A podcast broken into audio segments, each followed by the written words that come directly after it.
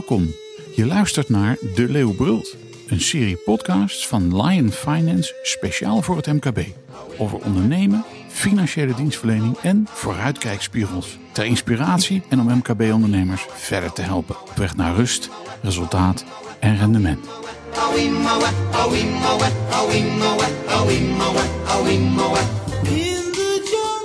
Fijn dat je luistert. 2021 ligt er weer ruim een maand achter ons. En dus is het tijd om ten aanzien van dat jaar letterlijk en figuurlijk de balans op te maken. In de vorm van de jaarrekening. Menige MKB-ondernemer voelt dit een beetje als een verplichting en ziet de jaarrekening als een achteruitkijkspiegel. En dat laatste klopt natuurlijk ook wel, maar die jaarrekening is wel van belang. En wat moet je als MKB-ondernemer in beeld hebben en doen zodat die jaarrekening ook snel kan worden afgerond? En wat zijn de laatste ontwikkelingen die je daarin zou moeten meenemen? In deze De Leeuw Brult praten we daarover met Lion Finance specialist Zenja Chabina en Lion Finance partner Max Kuivenhoven. Beiden van harte welkom. Dankjewel. Dankjewel. Allereerst een vraag aan jou, Max. Ehm, wat, wat, is eigenlijk die toegevoegde waarde van die jaarrekening voor MKB-ondernemers? En, en bij welke zaken heb je een goede, eh, professioneel opgestelde jaarrekening nodig? Um, ik denk dat uh, de toegevoegde waarde ten aanzien van de jaarrekening in veel gevallen betrekkelijk is. Um, het is natuurlijk vooral een gegeven wat verplicht is vanuit wet en regelgeving. Iedere uh, vennootschap in dit geval is verplicht om een, uh, om een jaarrekening op te maken. Om deze uiteindelijk vast te stellen en te deponeren bij de Kamer van Koophandel. Als je het hebt over de toegevoegde waarde van een ondernemer, ah, die is denk ik wel betrekkelijk. Ik denk dat veel ondernemers dat ook zo ervaren betekent niet dat die niet gemaakt moet worden. Uiteindelijk is het natuurlijk gewoon een slotstuk van het hele jaar. Hoe het resultaat geweest is, hoe de balans eruit ziet. En dat uitzicht als het ware in de jaarrekening. Um, het zou dus ook eigenlijk zo moeten zijn dat de jaarrekening nooit een verrassing is met wat erin staat voor de ondernemers. Dat is natuurlijk uiteindelijk ook iets waar we met z'n allen op mikken. Dat, uh, dat je door het jaar heen volledig in controle bent. En dat de jaarrekening, zoals die er daadwerkelijk uitkomt te zien, cijfermatig uh, klopt met hè, wat je al weet. Maar goed, uiteindelijk is het wel de verplichting. En het feit dat je hem opstelt, het feit dat hij er professioneel uitrolt en dat het er allemaal gewoon goed uitziet, staat altijd wel sterk naar de buitenwereld, denk ik. Omdat er veel partijen zijn die de jaarrekening lezen. Um, in veel gevallen kunnen dat financiers zijn. Denk aan de bank. Hè. Ook daarvan geldt voor ondernemers van goh, als jij een uh, kredietovereenkomst hebt waarin de bank zegt wij willen graag, ik roep maar even wat, uiterlijk 30 juni jouw jaarrekening zien. Ja, dat is natuurlijk wel gewoon belangrijk dat het allemaal klopt. En in dit geval is dat dan een financier. Maar ook voor andere doeleinden kan zo'n jaarrekening natuurlijk wel relevant zijn. En dat verschil is er uh, per ondernemer is wel verschillend.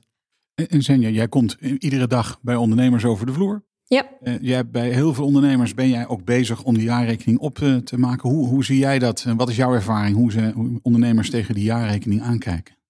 Nou, het is uh, denk ik wel verschillend, maar de Lion klanten die uh, zien de jaarrekening toch wel in het algemene als een administratieve verplichting. Zoals Max al net zei, wij proberen wel ervoor te zorgen dat het eigenlijk geen verrassing is.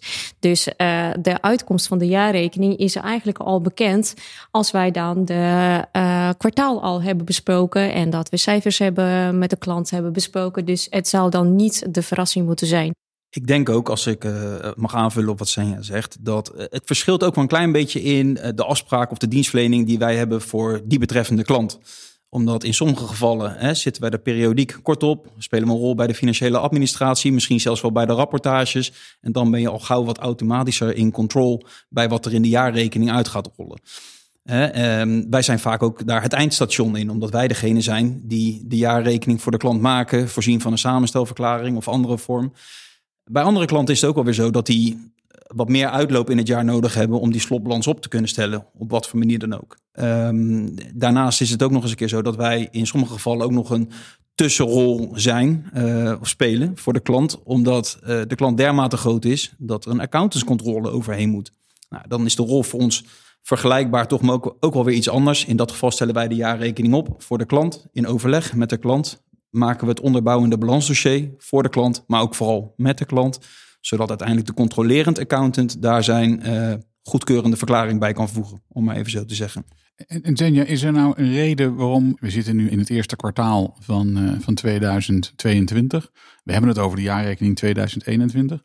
Ja. Hebben ondernemers nou een belang bij om dat allemaal vrij snel voor elkaar te hebben? Of, of maakt dat eigenlijk niet zoveel uit? Nou, uh, ik denk dat uh, als je wel een verplichting hebt, uh, bijvoorbeeld tegenover een bankier, die meestal medium mei, juni wel de cijfers wil hebben om te beoordelen of die voorwaarden.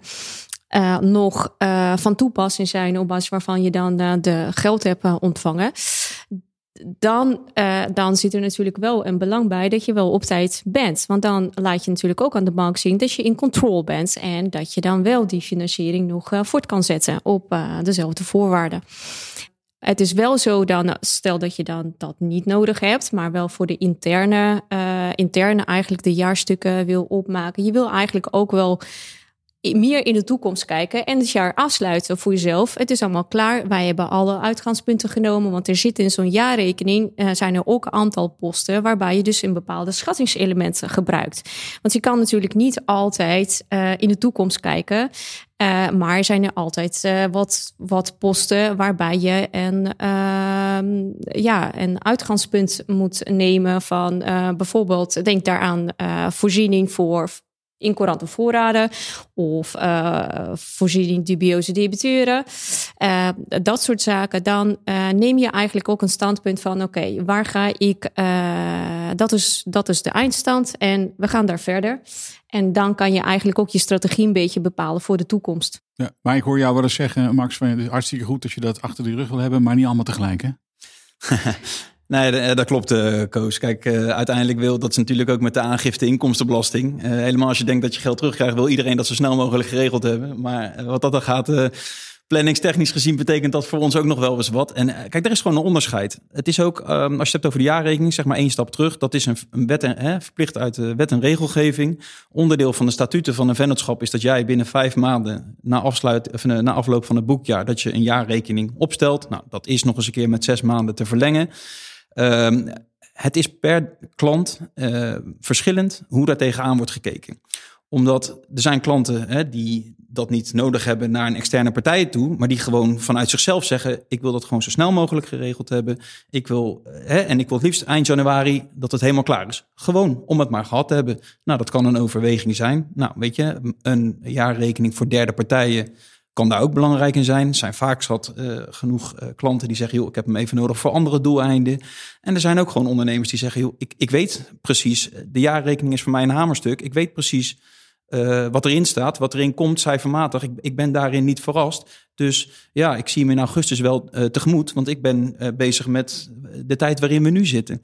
Het is, het is afhankelijk van de belanghebbende van de jaarrekening, maar ook gewoon van de ondernemer zelf. De ene kijkt daar anders tegenaan dan de ander. Maar, maar ja, het is, mensen hebben wel eens de neiging om te zeggen van joh, maar dat is toch tegenwoordig een volledig geautomatiseerd proces. Maar zo is het ook weer niet, hè? Nou, nee. De jaarrekening, uh, die uh, echt een rapport, uh, zoals wij je nou, al genoemd hebben, die moet opgesteld worden volgens de wettelijke bepalingen. En die, het, is wel handig dat je een bepaalde programma hebt die wat dingen kan filteren, et cetera. Maar je hebt er altijd nog een deskundigheid bij nodig en de kennis van die wet om te bepalen wat er wel noodzakelijk is om in de jaarrekening te vermelden en wat achterwege gelaten kan worden. Zodat je dan wel de eindgebruiker uiteindelijk de juiste inzicht krijgt in de cijfers. En dan op basis daarvan dan ook de juiste beslissingen worden genomen voor in de toekomst. Uh, ook voor ondernemer. En daarbij geldt natuurlijk ook. Op het moment dat je het goed voor elkaar hebt qua administratie, is het natuurlijk oneindig veel makkelijker dan wanneer het een, om, om zacht gezegd, een zootje is. Hè? Ah, ik, ik denk ook wel, uh, om even Zenja de verhaal te bevestigen, ik denk dat die automatisering, die zie je tegenwoordig veel meer in de financiële administratie zelf. Hè. Daar zit nu wat meer efficiëntie in, omdat er veel meer mogelijkheden zijn qua automatisering. Maar het is precies wat Zenja zegt, op het moment dat je dat in een jaarrekening vormgiet, dan is er altijd nog bij, nou, bij meerdere posten uh, sprake van professional judgment, waarin je zegt van, goh, klopt nou geen wat hier staat? Wat is de afloop daarvan? Wat is de impact op de jaarrekening? En daar zitten wel eens zaken bij die je inderdaad wat meer uitloop voor nodig hebt qua tijd om de juiste positie te kunnen bepalen. Helemaal mee eens. Met andere woorden, ze zeggen wel eens, om het goed in te zeggen, garbage in, garbage out, zal ik maar zeggen. Maar dat is hier ook een beetje van toepassing. Als het een zootje is, dan heb je heel veel werk om dat allemaal bij elkaar te harken. heb je het voortreffelijk ingericht zoals jullie dat doen bij klanten, dan op dat moment wordt het inderdaad ook een proces wat een bevestiging is van het beeld wat die ondernemer al lang heeft. Nou, ik, ik, denk dat dat een beetje het brede plaatje is. Op het moment dat wij bij bepaalde klanten door het jaar heen continu komen, een rol spelen bij de administratie en rapportage, dan is het jaarrekeningproces anders dan nou, misschien een beetje de traditionele klant. En, en dat wordt al minder, maar die zijn er wel nog waar je plat gezegd één keer in het jaar komt, omdat jou is gevraagd om uh, de jaarrekening te maken. En dat is natuurlijk graag waar we bij Lion ook een andere rol willen spelen. Uh, en dan heb ik het niet over de klant die zelf alles al prima op orde heeft. Die zegt van joh, giet het voor mij even in een mooi jasje omdat het moet en omdat jullie elektronisch moeten deponeren bij de Kamer van Koophandel. Maar, hè, want die klanten zijn er ook, dat is helemaal prima. Maar uiteindelijk willen wij natuurlijk op die manier ook gewoon uh, de klant verder helpen in de brede zin van het woord. En daar is eigenlijk de jaarrekening maar een klein onderdeel van. Nou, we hebben het gehad over de wetgeving. Hè? Die wetgeving wil nog wel eens veranderen. Zijn er nou nog dingen in, in de, de overgang van 2021 naar 2022 langsgekomen van jullie zeggen van joh, in relatie tot die jaarrekening, fiscaal zijn er natuurlijk altijd een heleboel dingen. Maar zijn er nou nog dingen waarvan jullie zeggen van god, beste ondernemer, daar moet je nog wel even op letten als we aan die jaarrekening beginnen? Of zijn die er, is dat een proces wat eigenlijk altijd doorloopt, je? Nou, ik denk dat uh, wet en uh, regelgeving die verandert natuurlijk ook wel. Niet zoals het fiscaal uh, is, want je hebt natuurlijk ook een fiscale stukken waarbij inderdaad wettelijke elke keer, elke jaar opnieuw de overheid kijkt wat de tarieven zijn, wat de regelingen zijn, et cetera. Maar de wet verandert ook continu. Alleen voor de MKB-klanten is het in het algemeen wel een vaststand iets. Ik denk dat de veranderingen voor MKB-klant wel minimaal zijn in de jaarrekening.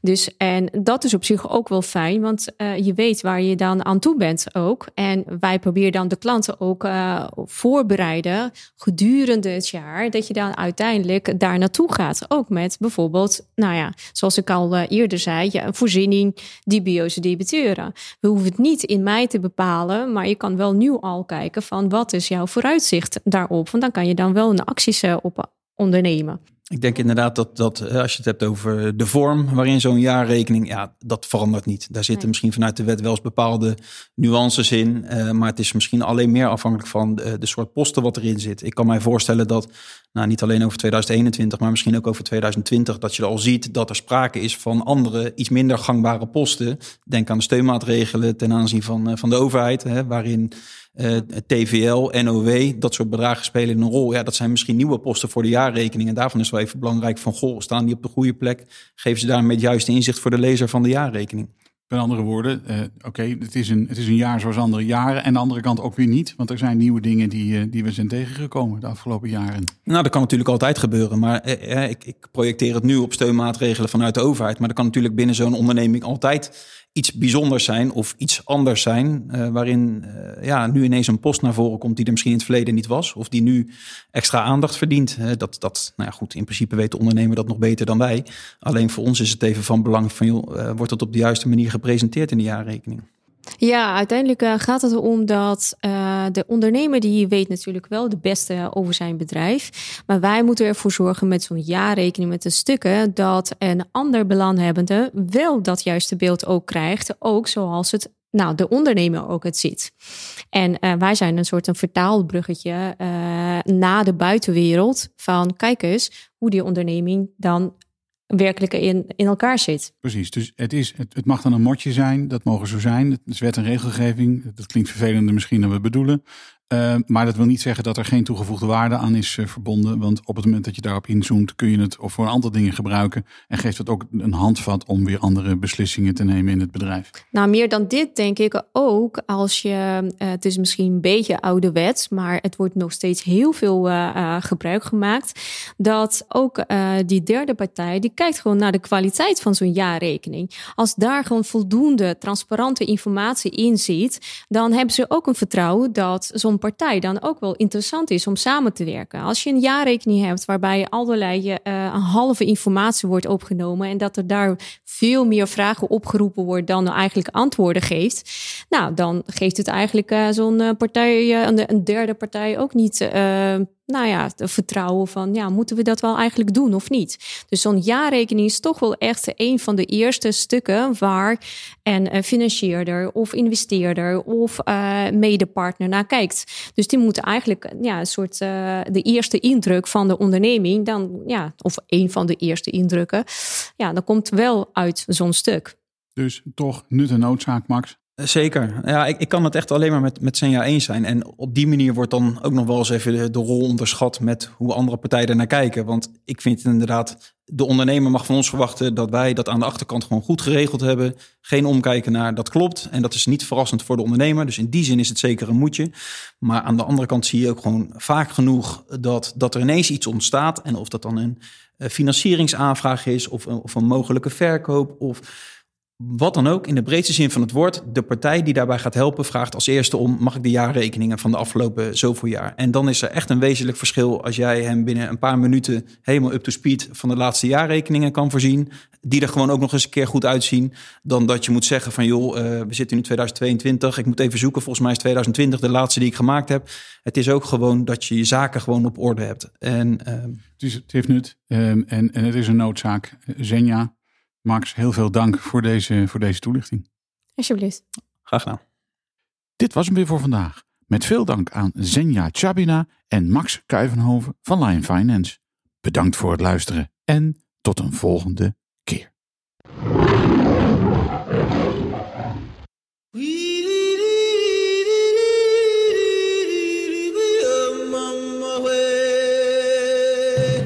Je luisterde naar De Leeuwbult een podcast van Lion Finance, speciaal voor het MKB. Wil je de hele serie beluisteren? Kijk dan op de website van Lion Finance of abonneer je via Spotify, Apple Podcast of Google Podcast. Binnenkort is er weer een aflevering. Tot dan.